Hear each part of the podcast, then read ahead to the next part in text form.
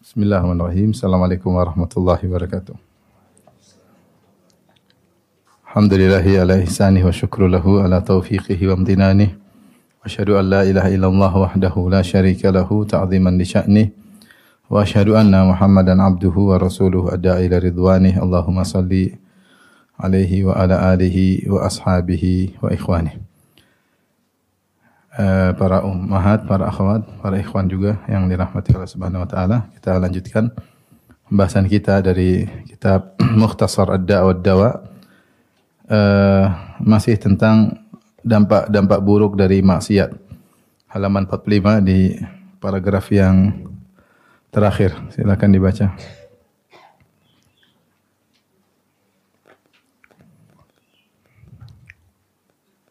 Bismillahirrahmanirrahim. قال المصنف رحمه الله تعالى غفر الله له ولوالديه ولنا وللمسلمين جميعا. ومن عقوبته أنها تباعد عن العبد وليه وأنفع الخلق له ومن عقوبتها نعم. ومن عقوبتها أنها تباعد عن العبد وليه وأنفع الخلق له وأنصحهم له. ومن سعادته في قربه منه وهو الملك الموكل وهو الملك الموكل به.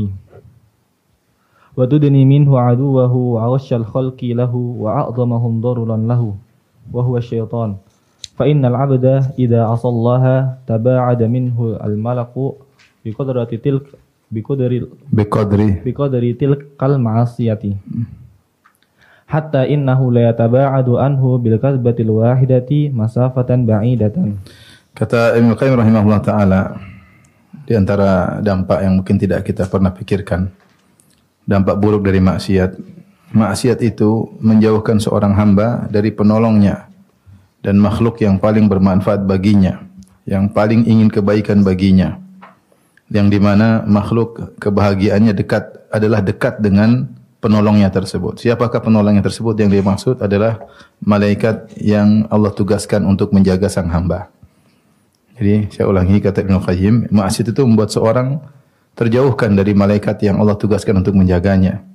Malaikat ini sangat adalah makhluk yang paling bermanfaat baginya. Wa ansahahum lahu yang paling ingin kebaikan bagi uh, dirinya, ya, yang paling memberi nasihat, membisikkan bisikan-bisikan kebaikan. Yang hamba menjadi bahagia jika dekat dengan malaikat tersebut, ya, karena dia mengarahkan kepada kebaikan.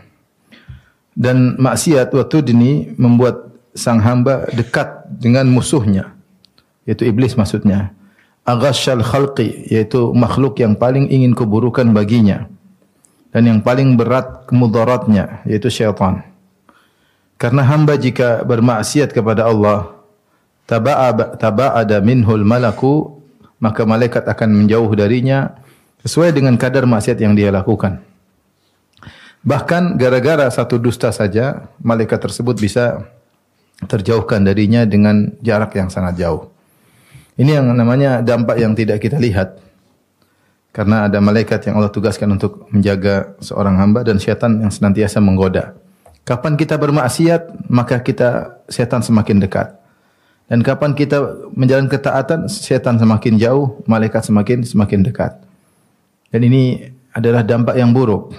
Karena kalau malaikat dekat, maka dia akan membisikkan kebaikan, dia akan mengarahkan kepada kebaikan ya. Meskipun kita tidak rasa akan hal tersebut.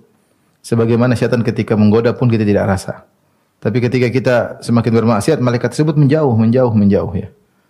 Oleh karenanya banyak maksiat yang menghalangi malaikat datang. Misalnya uh, apa namanya al malaikatu la tadkhulu fi baitin uh, fihi suwar ya, au kalb, au kama qala Nabi sallallahu alaihi wasallam bahwasanya malaikat la tadkhulu al malaikatu fi baitin. Malaikat tidak masuk dalam rumah yang ada anjingnya atau ada patung-patungnya. Ini menunjukkan maksiat menghalangi uh, uh, malaikat.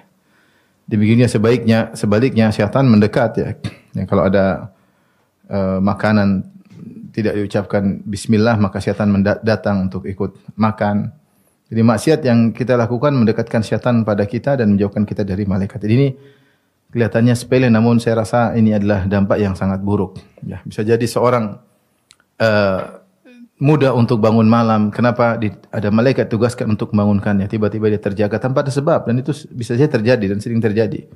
Tiba-tiba dia terjaga dalam kondisi letih, tiba-tiba dia dibangunkan.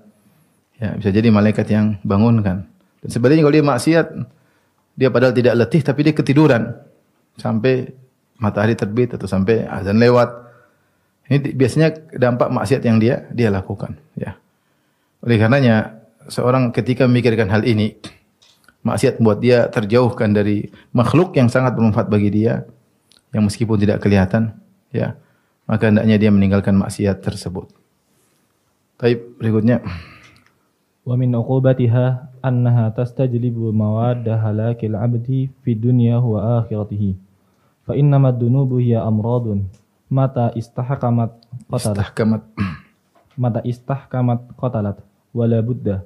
Wa kama anna al-badana la yakunu sahihan illa bighidain yahfadu quwwatahu wastibragin yastaghfiqu mawad al-fasidata wal akhlat ar-radi'ata allati mata ghalabat alaihi afsadathu wa himyatin yamtani'u biha min tanawuli ma yu'dihi wa yakhsha dararahu al-qalbu لا تتم حياته إلا بغذاء من الإيمان والأعمال الصالحة تحفظ قوته واستفراغ بالتوبة النصوح النصوح. نصوح تستخرج بها المواد الفاسدة والأخلاط الرديئة منه وحمية توجب له حفظ الصحة وتجنب ما يضادها.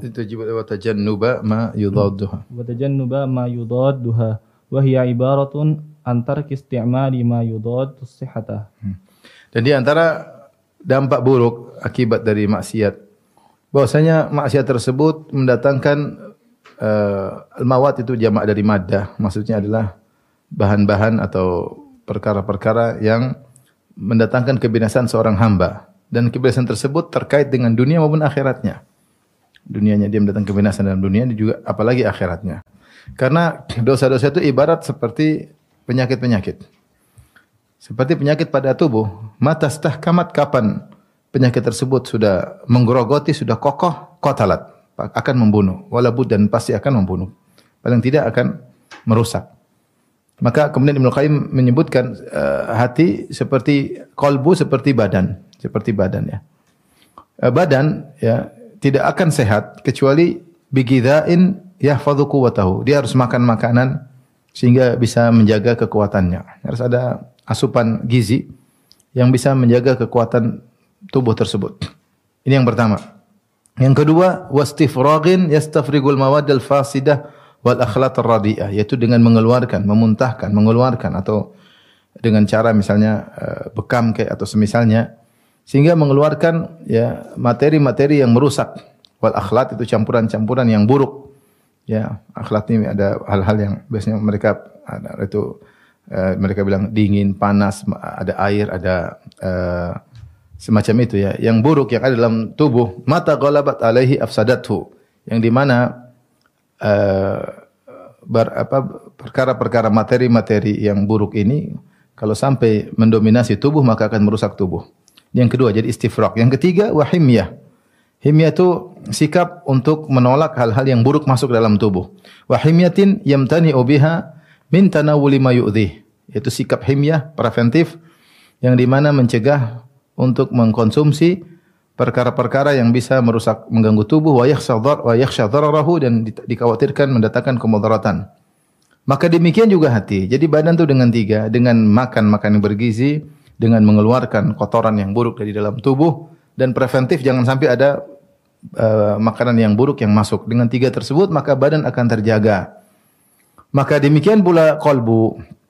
Maka tidak akan sempurna tidak akan berjalan dengan baik kehidupan hati kecuali dengan gizi. Gizinya apa? Iman dan amal soleh. Iman dan amal soleh. Seorang kalau ingin hatinya kuat, dia kuatkan imannya dan dia perbanyak amal soleh.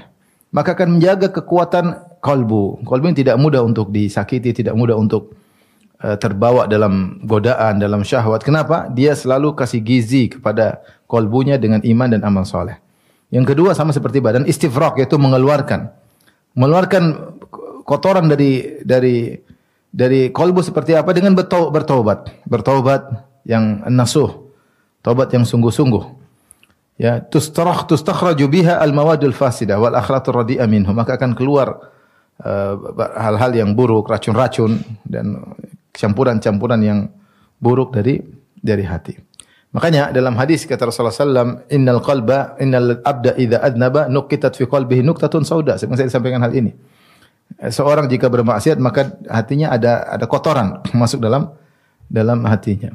Fa idza huwa uh, apa naza'a wa taba uh, kalau dia pun bertobat kemudian dia meninggalkan maksiat tersebut maka akan dibersihkan. Ya kotoran tersebut akan keluar. Apalagi kalau dia kemudian bertobat dengan taubat yang nasuh taubat yang benar-benar sempurna ya. Di cerita menarik ini cerita kisah nyata ada kawan seorang ustadz. Dia belajar ilmu ilmu sufiyah yang ekstrim. Si akhirnya dia punya kemampuan, kemampuan tenaga dalam, kemudian bisa uh, bisa jadi menarik wanita dengan ilmu tersebut, ya. Sehingga kalau dia potong badannya tidak tidak mempan, dia cerita langsung sama saya. Dia jagoan orangnya. Subhanallah, ketika dia sadar dia ngaji, ngaji sunnah, dia tahu dia salah. Maka dia ingin menghilangkan ilmunya tersebut karena itu ilmu yang salah. Ini semacam ilmu sihir atau menggunakan jin. Maka sebagian orang mengatakan kau harus pergi ke kiaimu yang memberi ijazah agar dicabut ilmunya tersebut. Tapi dia nggak mau. Maka dia dia bilang sama saya, saya cuma satu saat saya bertobat kepada Allah, saya menangis, saya bertobat kepada Allah. Tiba-tiba ilmu itu hilang, kasih gini luka lagi. Kalau badannya diluka, luka lagi. Dia tobat. Kalau tobat benar itu bisa hilang. Penyakit-penyakit terus bisa bisa hilang. Ini butuh kesungguhan. Maka dengan taubat yang baik, maka kotoran-kotoran di kolbu itu akan dikeluarkan. Tapi harus taubat yang benar. Adapun makna taubat nasuh, maka ini khilaf di kalangan para ulama. Disebutkan oleh Al-Qurtubi dalam tafsirnya ada saya lupa sekitar belasan atau puluhan atau banyak pendapat ya. Ya, taubat an-nasuh. Ada yang mengatakan taubat yang tidak akan kembali lagi dalam perbuatan tersebut. Ada yang mengatakan taubat yang dia bahkan menasihati orang untuk tidak melakukannya ya. Ada beberapa makna intinya ini taubat yang bukan taubat biasa tapi taubat yang lebih spesifik, taubat yang lebih sungguh-sungguh. Ya alladzina amanu tubu ila Allahi taubatan nasuha ya. Saya sebagiannya saya nukil dalam tafsir uh, surat At-Tahrim ya. Maka dengan taubat yang sungguh-sungguh, taubat yang bukan taubat sambal kata orang ya.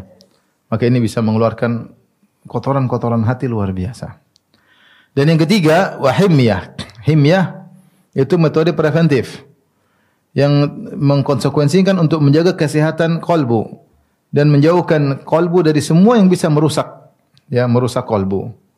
Wahai ibaratun antar kistimali madhud siha yaitu timia adalah ibarat dari wahiyat maksudnya himyah ibarat dari meninggalkan mengkonsumsi perkara yang bisa merusak kesehatan. Kita kalau tahu hati kita bisa rusak gara-gara sesuatu, jangan dekat-dekati, jangan lakukan. Kita ngerti hati kita rusak kalau kita nonton. Ya sudah jangan jangan nonton. nonton. Kita tahu hati kita berubah ketika kita habis dengar berita ghibah namimah, hati kita berubah. Kita ngerti kok. Kita bisa ngerasa saya berubah enggak kayak tadi. Ya.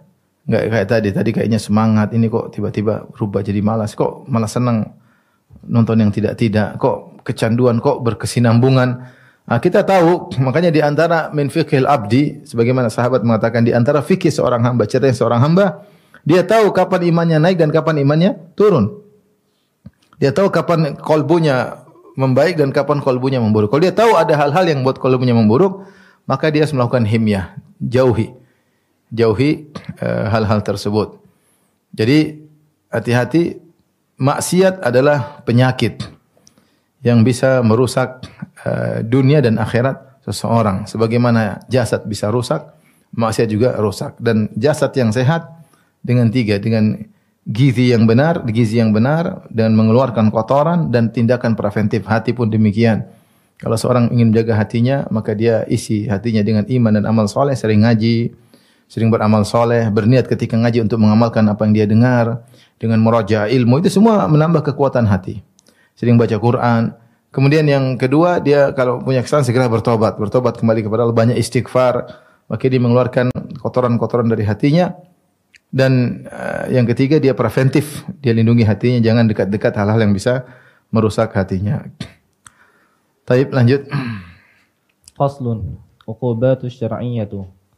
Fa illam taruka hadhihi al-uqubatu wa lam tajid laha ta'siran fi qalbika fa ahdir al-uqubati syar'iyyata allati syara'aha Allah wa rasuluhu 'ala al-jara'imi kama qata' al-yada fi fi sariqati salasati darahima. Wa qata' al-yada wa rijla fi fi qat'i at-tariqi 'ala ma'sumil mali wan nafsi. وشق الجلد بالصوت على كلمة قذف بها المحصن أو قطرة خمر يدخلها جوفه.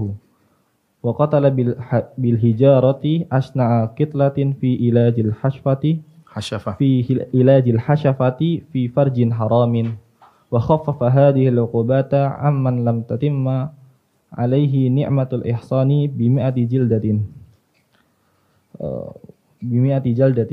وبنفي سنة عن وطنه وبلده إلى بلاد الغربة وفرق بين رأس العبد وبدنه إذا وقع على ذات رحم محرم منه أو ترك الصلاة المفروضة أو تكلم بكلمة الكفر وأمر بقتل من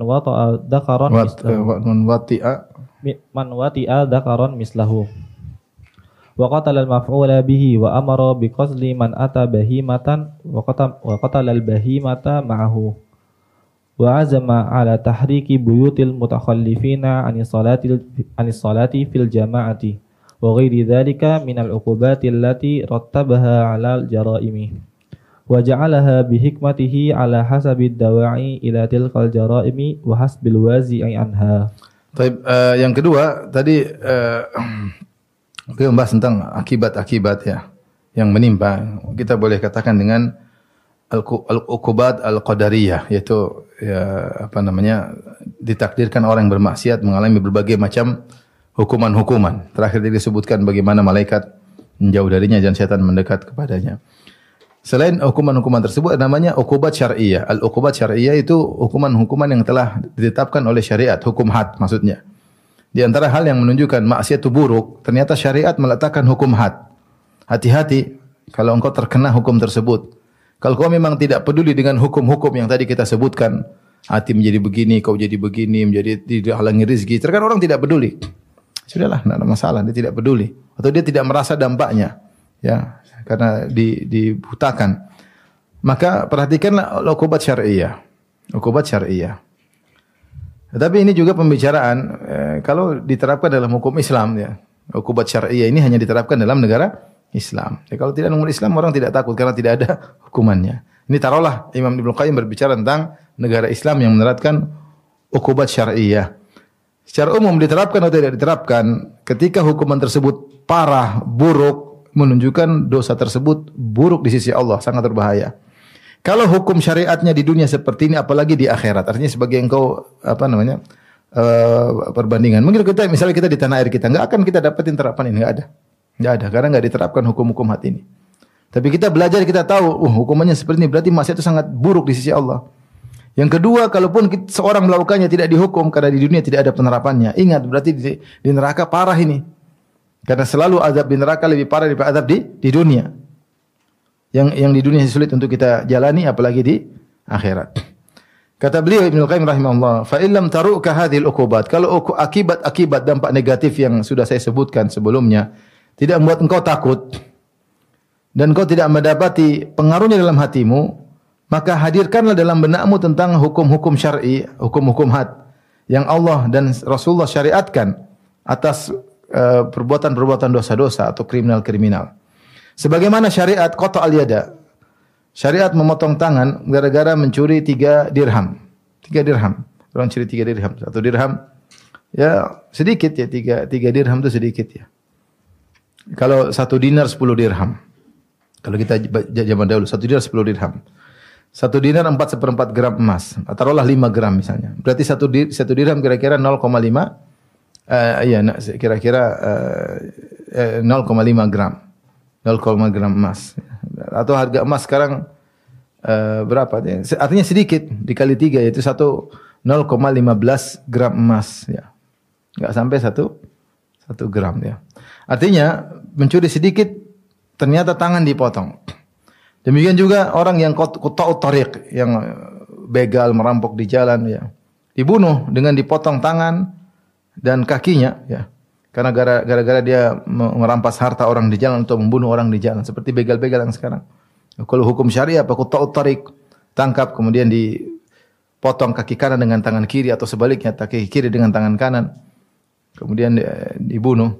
Kemudian juga lihatlah orang yang gara-gara uh, qadhafa bihal muhsan, ada orang baik-baik dia tuduh kamu berzina, kamu ini dikata kamu pezina, dia tidak bisa datangkan bukti, dosa lisannya menyebabkan dia harus dicambuk syaqqal jilda bisaud, yaitu cambukan untuk membelah uh, apa kulitnya, maksudnya diajar dengan gara-gara dia menuduh orang baik-baik dengan tuduhan yang tidak-tidak. Atau gara-gara setetes khamar yang dia masukkan dalam dalam uh, lambungnya dengan mulutnya dia masukkan akhirnya dia akan di dihukum cambuk. Demikian juga syariat membunuh dengan hijara dengan batu dengan cara pembunuhan yang asna akitlah yaitu cara pembunuhan yang buruk ketika uh, kemaluan dimasukkan ke dalam farji yang haram ya. Hasyafah itu maksudnya bagian kepala zakar ya. Kepala zakar zakar ada kepalanya ada bagian bawahnya. Kalau hasyafah sudah masuk dalam uh, apa namanya lubang kemaluan yang haram tidak sah untuk dia berhubungan intim maka dia dihukum dengan hukum rajam ya rajam jika dia sudah pernah menikah. Dan syariat meringankan hukum ini bagi orang yang belum pernah merasakan nikmat ihsan yaitu belum pernah menikah dengan nikah yang syar'i. Maka hukumannya dengan 100 cambuk. Kemudian diasingkan selama setahun dari negerinya. Dari negerinya dibawa kepada biladil ghurbah kepada negeri yang lain yang asing. Kemudian juga syariat membuat kepala terpisah dari badannya, itu dipot dipenggal kepalanya. Ya, jika dia ternyata berhubungan dengan uh, mahramnya, berhubungan misalnya berhubungan intim seksual dengan ibunya, dengan adik perempuannya, dengan bibinya, maka ini hukumannya dipenggal. Atau dia meninggalkan sholat wajib, dia tidak sholat sama sekali dan orang sholat tidak meninggalkan sholat, hukumnya adalah di dipenggal. Jadi dipanggil tidak mau bertobat, dipenggal. Boleh. Au takalam bi kufrin. Demikian juga kalau dia mengucapkan kalimat kufur, dia menghina Allah Subhanahu wa taala, menghina syariat Nabi ya.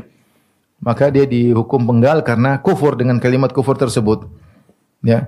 Demikian juga syariat memerintahkan untuk membunuh orang yang melakukan homoseksual ya. Laki-laki mendatangi laki-laki.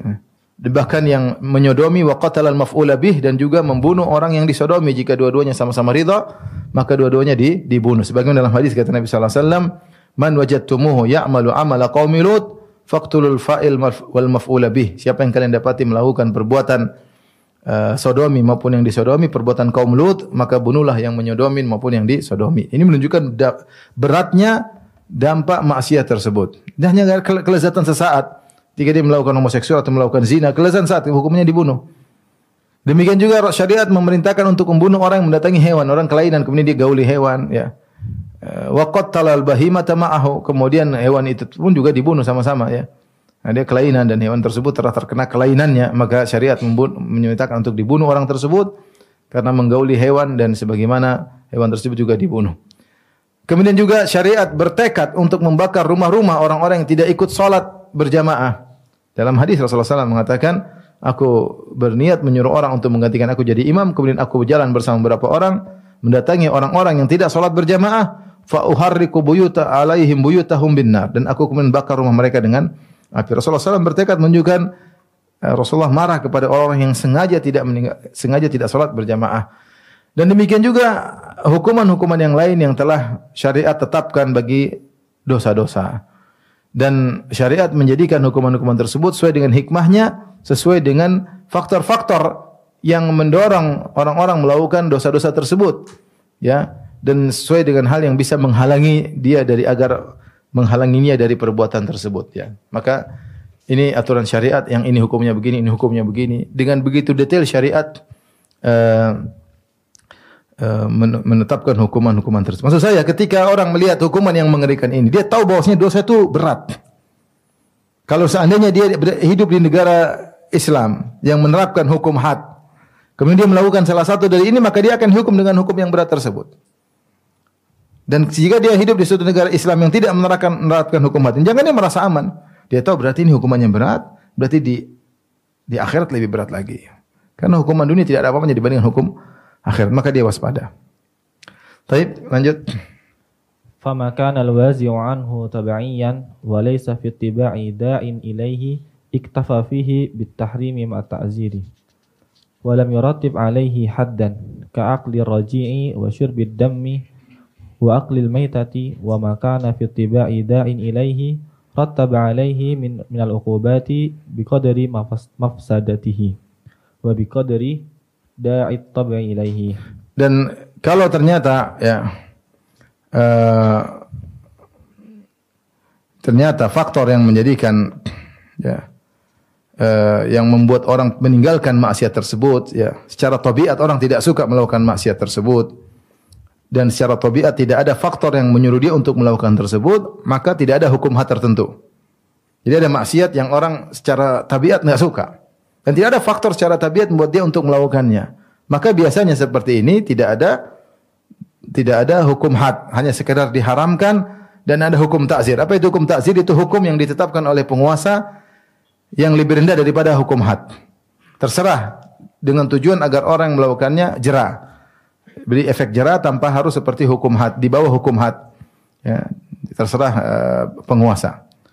Walam yuratib alaih haddan dan uh, penguasa tidak syariat tidak menetapkan hukum had pada dosa-dosa seperti Contohnya seperti makan uh, kotoran misalnya. Memang kotoran orang tabiat tidak makan. Tapi ada nekat makan kotoran dihukum. Dihukum supaya dia tidak mengulangi lagi. Atau orang minum darah, darah apa enaknya? Kalau nekat minum darah maka dia tidak dihukum had tidak. Tetapi dia dihukum ya dengan takzir. Kalau mau dihukum, kalau enggak kita akan haram tidak boleh. Ya seperti akil maita, seperti makan bangkai. Makan bangkai orang makan bangkai enggak, enggak, enggak baik. Kalau ada makan bangkai maka hukumnya haram, tidak ada hukum had. Kalau syariat memberi hukum takzir boleh. Penguasa bikin hukum takzir boleh. Tapi tidak ada hukum had. Adapun eh, dosa-dosa yang secara tabiat ada faktor menyuruh kepadanya seperti zina, seperti mencuri. Ini ada faktor-faktor, pingin ambil harta orang, syahwat harta, syahwat kemaluan, seperti itu, syahwat ingin menjatuhkan harga diri orang sehingga menuduh yang tidak. Tidak ini semua ada faktor membuat dia untuk melakukan hal tersebut. Maka syariat menetapkan hukum had sesuai dengan kadar maksiat, kadar kerusakan yang timbul akibat maksiat tersebut dan sesuai dengan kadar faktor yang menyuruh kepadanya. Inilah kenapa hukuman hukum had dalam dosa-dosa berbeda-beda. Ini Ibnu Qayyim menjelaskan tentang hikmah. Kenapa ada dosa-dosa yang tidak ada hukum hadnya dan ada dosa-dosa yang ada hukum hadnya. Dan dosa-dosa yang ada hukum hadnya pun berbeda-beda sesuai dengan uh, tingkat kerusakan yang timbul dan sesuai dengan tingkat uh, faktor pendorong dari dalam hati untuk melakukannya. Tapi lanjut. Fauqubatus syari' fauqubatus syari'i ja'at ala tamil wujuhi wa awfaqiha lil aqli wa aqwamiha bil maslahati. Wal maqsudu anna ad-dunuba innama tatarattabu tatarattabu 'alaiha innama tatarattabu. innama tatarattabu 'alaiha al-uqubatu syar'iyyatu aw al-qadariyatu aw yajma'uhum Allahu lil 'abdi wa qad yarfa'uhuma aman taba wa ahsana. Maka uh, hukuman-hukuman yang dilakukan oleh syariat ya hukum-hukum syar'i maksudnya hukumat syar'iyah maka datang dengan sisi yang paling sempurna dan yang paling benar cocok dengan akal. Makanya berbeda-beda, bermacam-macam, tidak sama. Ada yang ada hukum hadnya, ada yang tidak ada hukum hadnya, ada hukumnya berbeda-beda dan lebih pas dengan maslahat, lebih pas dengan maslahat. Ya, contoh seperti orang membunuh maka dibunuh apa kata Allah Subhanahu wa taala? Eh, walakum fil qisasi hayatun ya ulil albab. Bagi kalian dalam praktek kisos ada kehidupan. Ya, orang yang bunuh maka harus dibunuh. Ya, ya, syariat benar-benar ketika meletakkan hukum ini maka sangat tepat sehingga orang kalau ingin bunuh dia tahu dia bakalan dibunuh maka dia tidak berani membunuh. Justru dengan menerapkan hukum kisos maka kehidupan bisa terjaga. Kenapa kehidupan tidak terjaga ketika hukum kisos tidak dipraktekkan? Seorang tahu kalau dia bunuh orang dia tidak akan dibunuh, paling cuma di penjara. Penjara seumur hidup pun nanti juga bisa dikurangi. Dan kalau di penjara pun kalau punya duit dia bisa hidup nyaman dalam penjara, maka dia berani membunuh. Enggak ada masalah. Tapi kalau dia tahu dia membunuh, pasti dibunuh. Yang nolong dia juga ikut dibunuh, maka dia tidak bakalan berani membunuh. Maka hukum Allah yang Allah terapkan walakum fil qisasi hayatun pada praktek kisos ada kehidupan wahai orang-orang yang cerdas. Ini menunjukkan bahwasanya apa hukum yang Allah tetapkan itu lebih pas dengan akal dan lebih sesuai dengan maslahat. Sesuai dengan maslahat. Sementara banyak orang sekarang kritik hukum apa hukum kisos apa hukum kisos. Ya. Coba bayangkan yang dibunuh anaknya sendiri, mungkin dia ingin balas lebih daripada sekedar hukum kisos. Bagaimana kalau yang dibunuh ternyata istrinya yang sangat dia cintai misalnya. Anak kesayangannya satu-satunya semata wayang yang dibunuh. Kira bagaimana? Ya. Maka syariat ketika menurunkan hukum sesuai dengan kemaslahatan masyarakat. Ya. Nah, sebenarnya orang liberal kemudian mengatakan jangan hukum kisos tidak bisa diterapkan lagi itu hanya diterapkan untuk Arab Badui 14 tahun yang itu enggak benar semua. Apa yang Allah terapkan ini yang terbaik, yang lebih pas dengan akal dan lebih cocok dengan kemaslahatan dengan berbagai variasi hukuman-hukuman tersebut sebagai yang dibahas dalam buku-buku fikih. Intinya al-maksud ya dosa-dosa itu bisa menimbulkan atau berdampak darinya al-ukubat syariah, hukuman-hukuman syariat seperti hukum yang tadi kita jelaskan, awal qadariyah atau hukum-hukum yang sebelumnya sudah dijelaskan panjang lebar. Rezeki terhalangi lah, hati e, jadi senang dengan maksiat lah, ditinggal oleh malaikat lah. Ini namanya hukum qadariyah. Itu apa yang dialami dalam kehidupannya, apa yang dialami dalam kehidupannya. Ya, misalnya anaknya jadi nakal, kah istrinya jadi membangkang, itu namanya hukum qadariyah. Maksiat menimbulkan dua hukum tersebut. Ya, Terkadang menimbulkan salah satunya hanya mendapatkan hukum syar'i saja dengan hukum had. Terkadang hanya mendapatkan hukum qadariyah, tidak mendapatkan hukum syar'i. Kalau kita di di tanah air tidak ada hukum syar'i karena enggak diterapkan hukum had, hukum had. Maka yang kemungkinan akan mengalami hukum apa? Qadariyah. Aw yajma'uhumullah lil abdi atau terkadang dia mengalami dua-duanya. Dia berzina, kemudian rezekinya seret, kemudian keluarganya hancur, kemudian ketangkap, kemudian dirajam. Berarti dua-duanya didapat.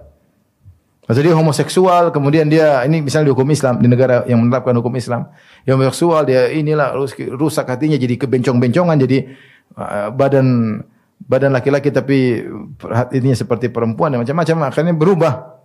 Dia berubah jadi semakin kejam ya dan macam-macam. Kemudian ketahuan kemudian dibunuh. Jadi terkena hukum qadariyah dan juga hukum apa? syariah. Ya. Tapi kalau kita di tanah air kemungkinan cuma hukum apa? Qadariyah, hukum syariah tidak ada.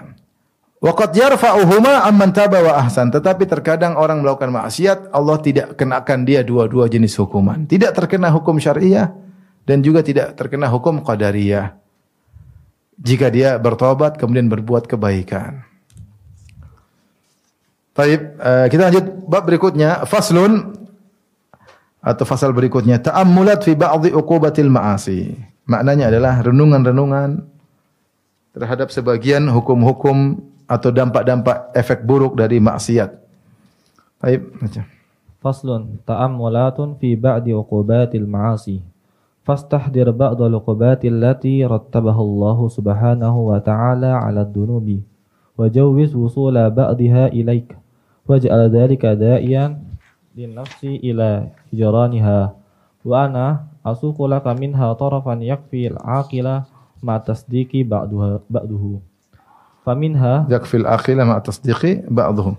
Baik, kata beliau uh, kita merenungkan sebagian hukuman-hukuman atau uh, sebagian dampak-dampak negatif dari maksiat. Kata beliau, hadirkanlah uh, sebagian dampak-dampak yang Allah uh, munculkan gara-gara maksiat. Dan bisa jadi atau apa namanya, anggaplah bahwasanya sebagian tersebut akan mengenaimu, bisa jadi mengenaimu.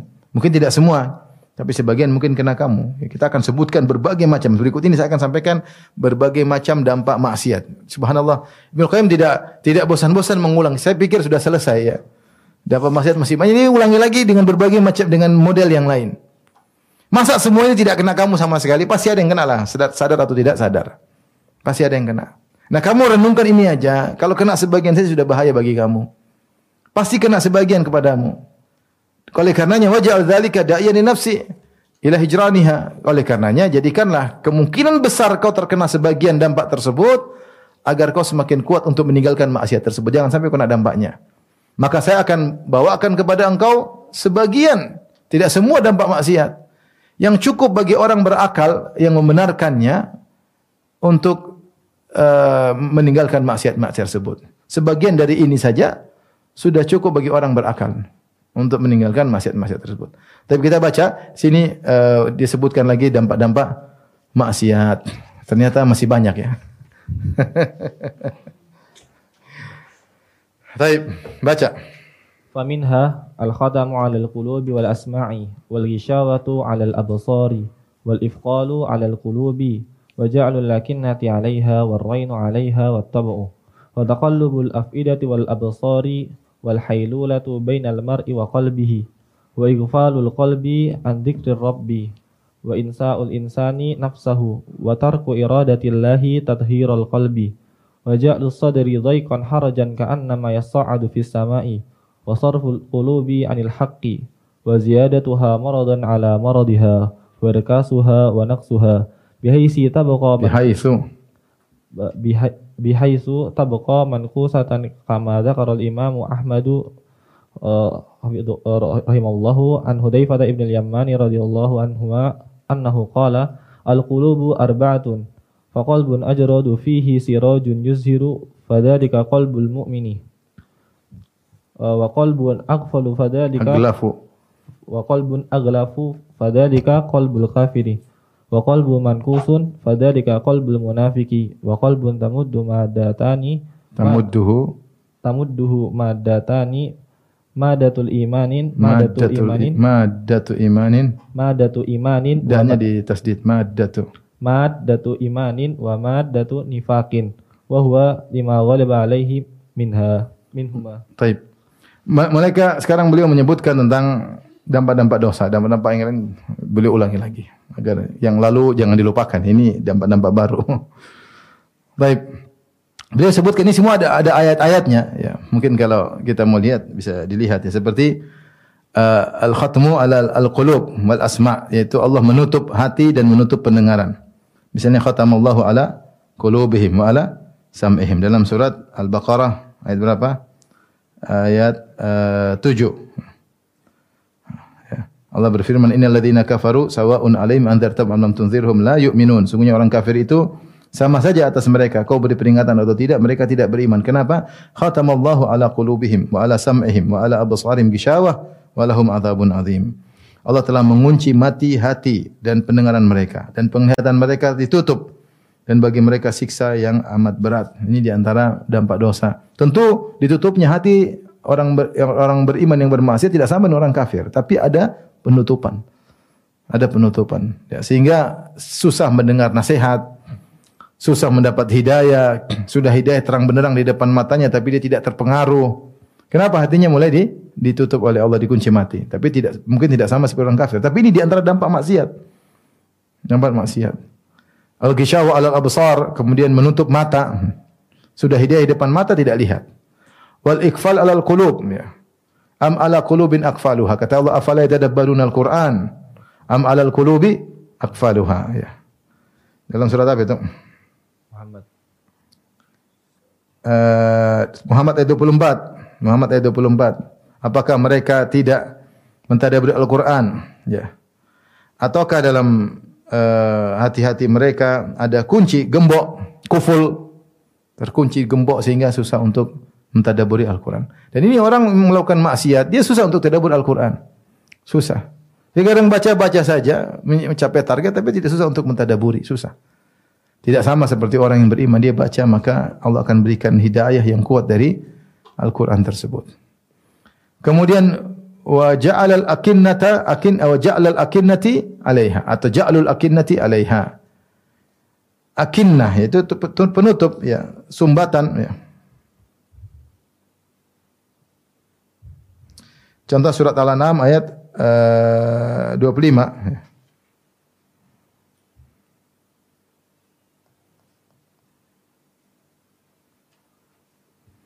Allah Subhanahu wa taala uh, berfirman Wa minhum may yastami'u ilaik wa ja'alna ala qulubihim akinnatan ay yafqahuhu wa fi adhanihim waqra. Inda mereka ada orang yang mendengarkan bacaanmu padahal kami telah meletakkan tutupan sumbatan di hati mereka sehingga mereka tidak memahaminya dan kan kami letakkan waqra sumbatan di telinganya. Jadi mereka disumbat. Ya, telinga disumbat. Mereka dengar, maksudnya sumbatan hidayah. Kalau dengar, dengar, suara dengar. Tapi hidayah nggak bisa masuk, cuma dengar doang, hidayah nggak bisa masuk. Ya, keluar di hidayahnya. Dengar, dengar. Orang kafir dengar bacaan Quran, dengar. Mereka baca, mereka baca, mereka dengar lantunan bacaan Nabi, tapi percuma. Ya. Orang dengar pengajian, tapi Allah tidak ketuk hatinya. Pengajian lewat begitu saja, ya begitu saja, hambar. Kenapa? Karena maksiat membuat hatinya tertutup. Warainu alaiha kotoran Kalla bal rana ala qulubihim ma kanu yaksibun. Surat apa itu? Surat Al-Mutaffifin.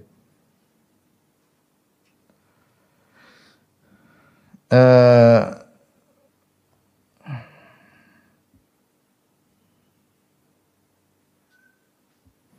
ayat 14 kalla bal rana ala qulubi ma yaksibun. Ya. Surat al-mutaffifin. Ayat dicatat aja biar biar apa namanya enggak enggak lupa ya. Sekali-sekali tidak demikian. Sebenarnya apa yang selalu mereka usahakan itu menutupi hati mereka. Ran adalah kotoran. Setiap orang bermaksiat nukitat fi qalbi nuktatun sauda. Ada noda hitam noda hitam. Jika noda hitam tersebut sudah menutupi seluruh kalbunya itulah ran. Itulah ran. Itu kotoran noda hitam yang menutupi hati kolbu secara keseluruhan namanya ran. Ini dampak maksiat. Bal taba Allah ya. Ini juga taba. Sama ini artinya juga menutupi ya. Dalam contohnya surat An-Nisa ayat 155. Surat An-Nisa ayat 155. Allah Subhanahu wa taala berfirman, "Fabima naqdihim mitsaqahum wa kufrihim bi ayatillah wa qatlihimul anbiya bighairi haqq wa qawlihim qulubuna ghulf bal taba Allahu 'alaiha bi kufrihim." Ya, tapi Allah telah mengunci hati mereka karena kekafiran mereka. Ya. Fala yu'minuna illa qalila. Mereka tidak beriman kecuali sedikit. ini sudah sama. Jadi khatam, taba, ran ini semua maknanya menutup hati dari hidayah. Wa taqallubul afidati wal absari. Ya. Seperti Allah nuqallibu afidatum absarhum kama lam yu'minu bihi awwal marrah. Dalam surat apa? Dalam surat Al-An'am ayat 110.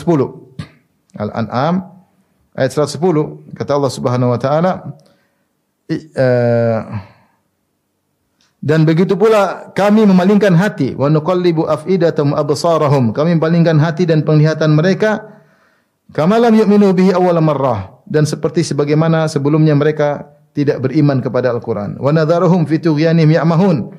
Dan kami biarkan mereka bergelimang dalam kesatan yang sangat parah jadi di antara dampak maksiat gara-gara ada hidayah depan mata, kita tahu itu kebenaran, kemudian kita berpaling, akibat kita berpaling di awal Allah buat kita berpaling di selanjutnya. Hati-hati.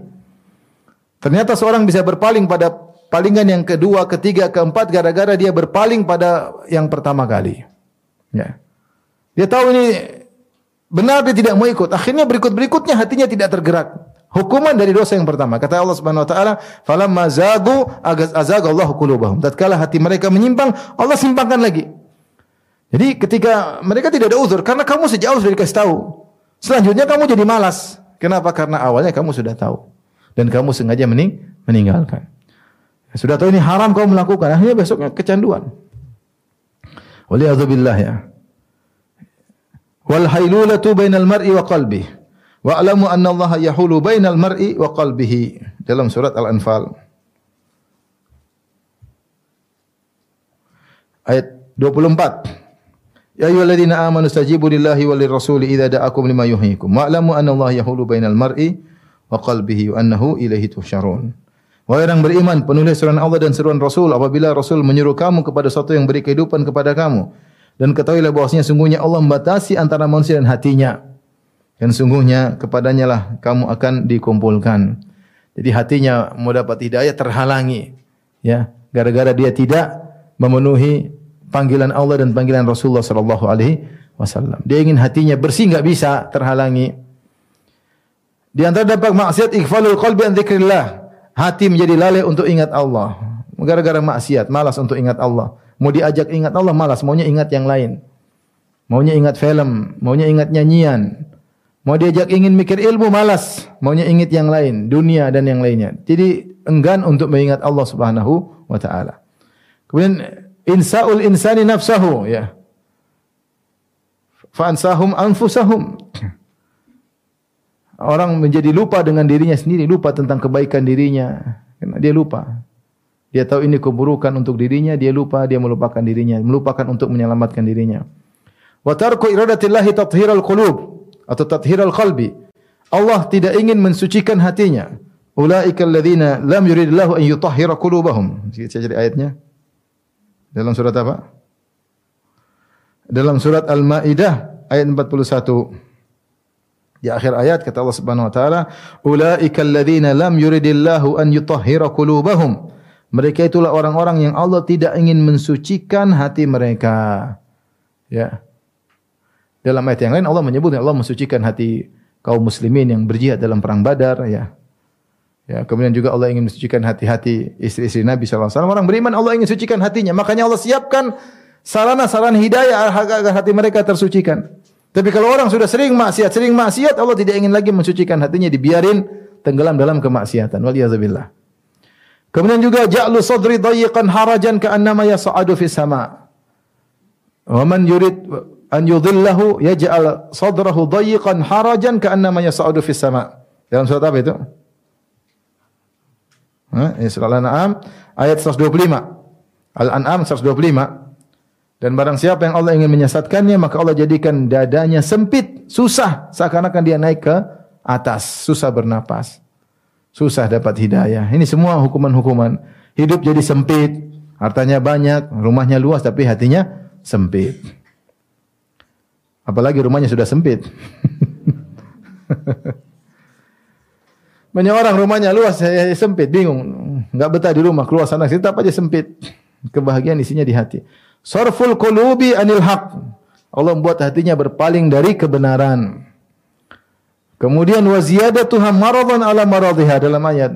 Ya, bagaimana uh, maradan ya. Allah tambahkan fi, qulubihim maradan marad fazadahumullahu marada. Hati mereka sudah sakit Allah tambah lagi sakit. Surat apa itu Al Baqarah. Irkasuha, irkasuha dijelaskan yuqalu rakisat uh, rakistu syai'a idza radatuhu raja'tuhu yaitu menjadikan dia balik irkasuhu. Ya. Menjadikan hatinya sudah baik kembali lagi menjadi buruk. Ini hati-hati, sudah berhijrah balik lagi. Sudah baik hatinya balik lagi jadi kembali seperti sedia kala irkasuhu namanya. Ya. Hati-hati. Uh, dalam seperti dalam surat apa? Uh, surat Ali Imran, "Fama lakum fil munafiqina fi'atin wallahu arkasahum bima kasabu." Dalam surat An-Nisa ayat 88, surat An-Nisa ayat 88. "Fama lakum fil munafiqina fi'ataini wallahu arkasahum bima kasabu." Allah telah memberikan mereka kepada kafiran mereka. Kenapa kalian ini ketika orang-orang munafik tidak ingin ikut perang Uhud, maka para sahabat khilaf, ada yang mengatakan kita bunuh dulu orang munafik baru lawan uh, Abu Sufyan CS, ada yang mengatakan biarin saja. Allah turunkan ayat kata Allah, "Fama lakum fil munafiqina fi'ataini." Kenapa kalian menjadi dua golongan dalam menyikapi orang munafikin? Wallahu arkasahum bima kasabu. Allah membalikan mereka kepada kekufuran akibat perbuatan mereka. Ini irkasnya hati-hati. Betapa banyak orang hijrah bisa balik lagi. Bisa balik lagi. Kenapa? Karena dia mau coel-coel lagi maksiat. Allah sudah beri dia hidayah, dapat hidayah, kemudian dia mulai buka-buka lagi file lamanya, ya. File hitam dia buka lagi, file biru dia buka lagi, file merah jambu dia buka lagi. Akhirnya dia kembali lagi. Kali azubillah. Kalau dia sudah kembali lagi, belum tentu dia bisa balik lagi hijrah lagi kedua kali, belum tentu. Kecuali Allah merahmatinya. Dan itu banyak terjadi, banyak terjadi. Makanya hati-hati kalau sudah ngaji, nggak usah buka file-file lama, teman lama, pacar lama. Udah udah nggak laku kamu buang aja nggak usah dipikirin lagi masa lalu ya. Dia jadi milik orang. kamu jadi milik orang juga, ngapain membuka file lama terjerumus dalam maksiat lagi dan ini terjadi maksiat lagi. Udah ngaji, kadang sudah bercadar, maksiat lagi. Pelan-pelan tidak langsung pelan-pelan eh coba iya gimana sih udah mulai kontak mulai ini diam-diam akhirnya terjerumus dalam maksiat.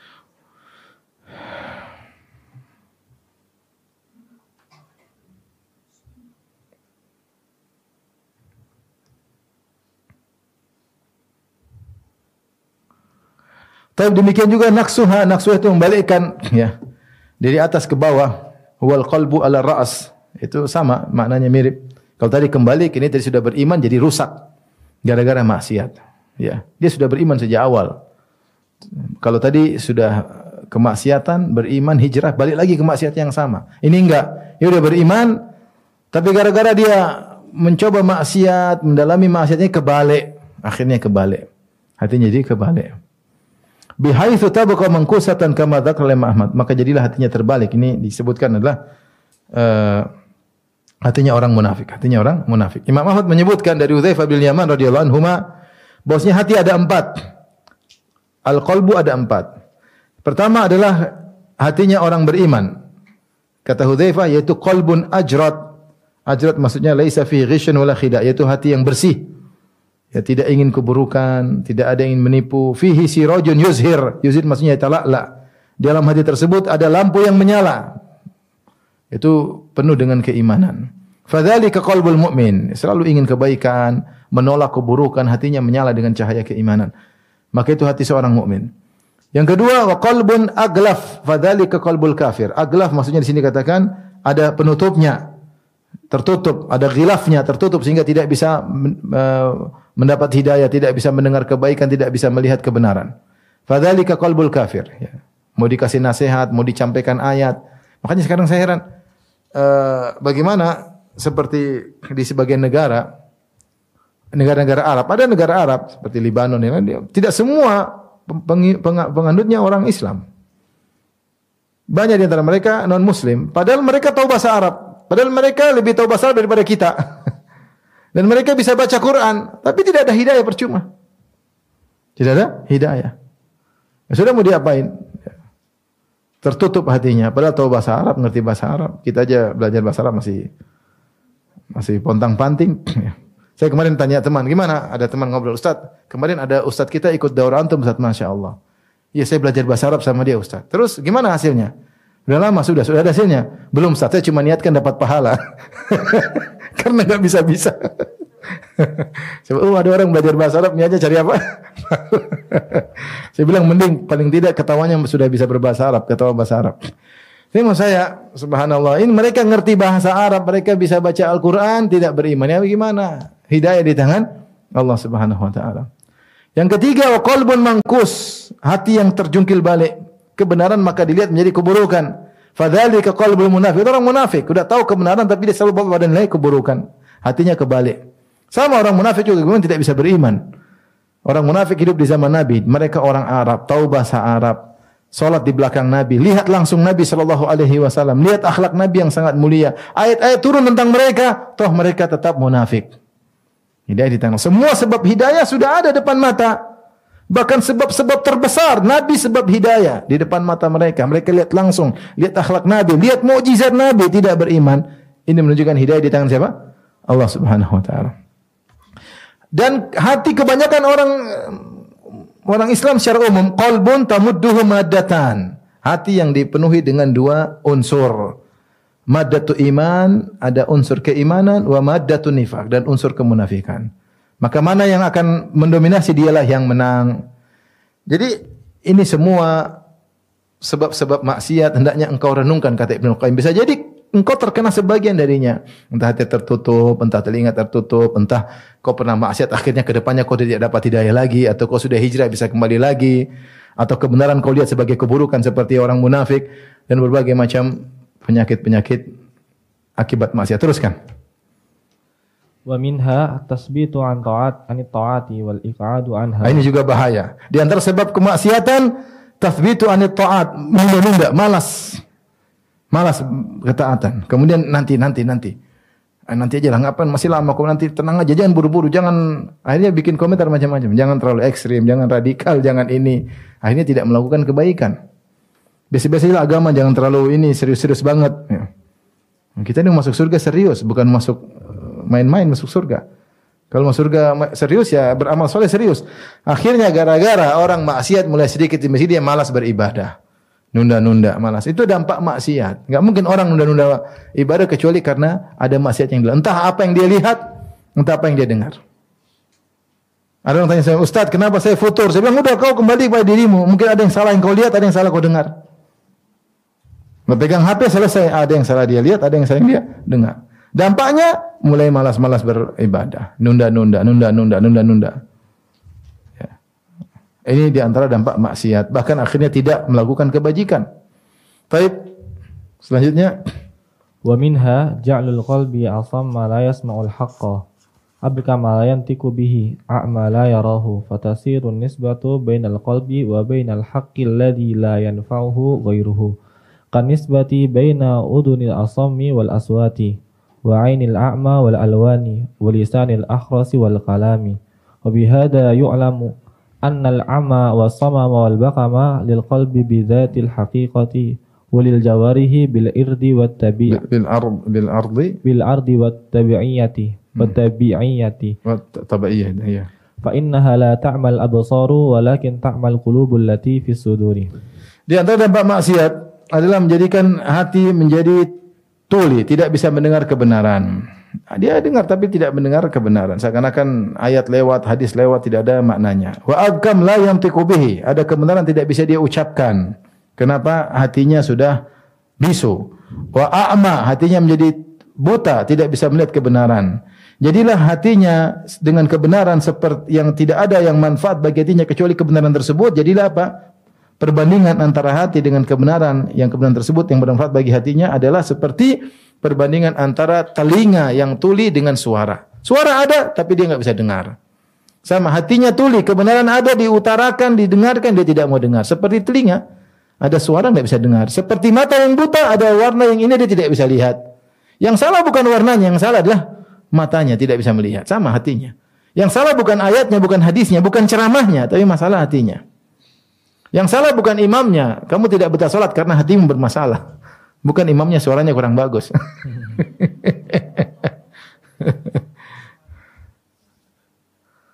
Jadi ini jadilah seperti orang bisu dan pembicaraan. Dia bicara nggak bisa, tulisannya nggak bisa berbicara.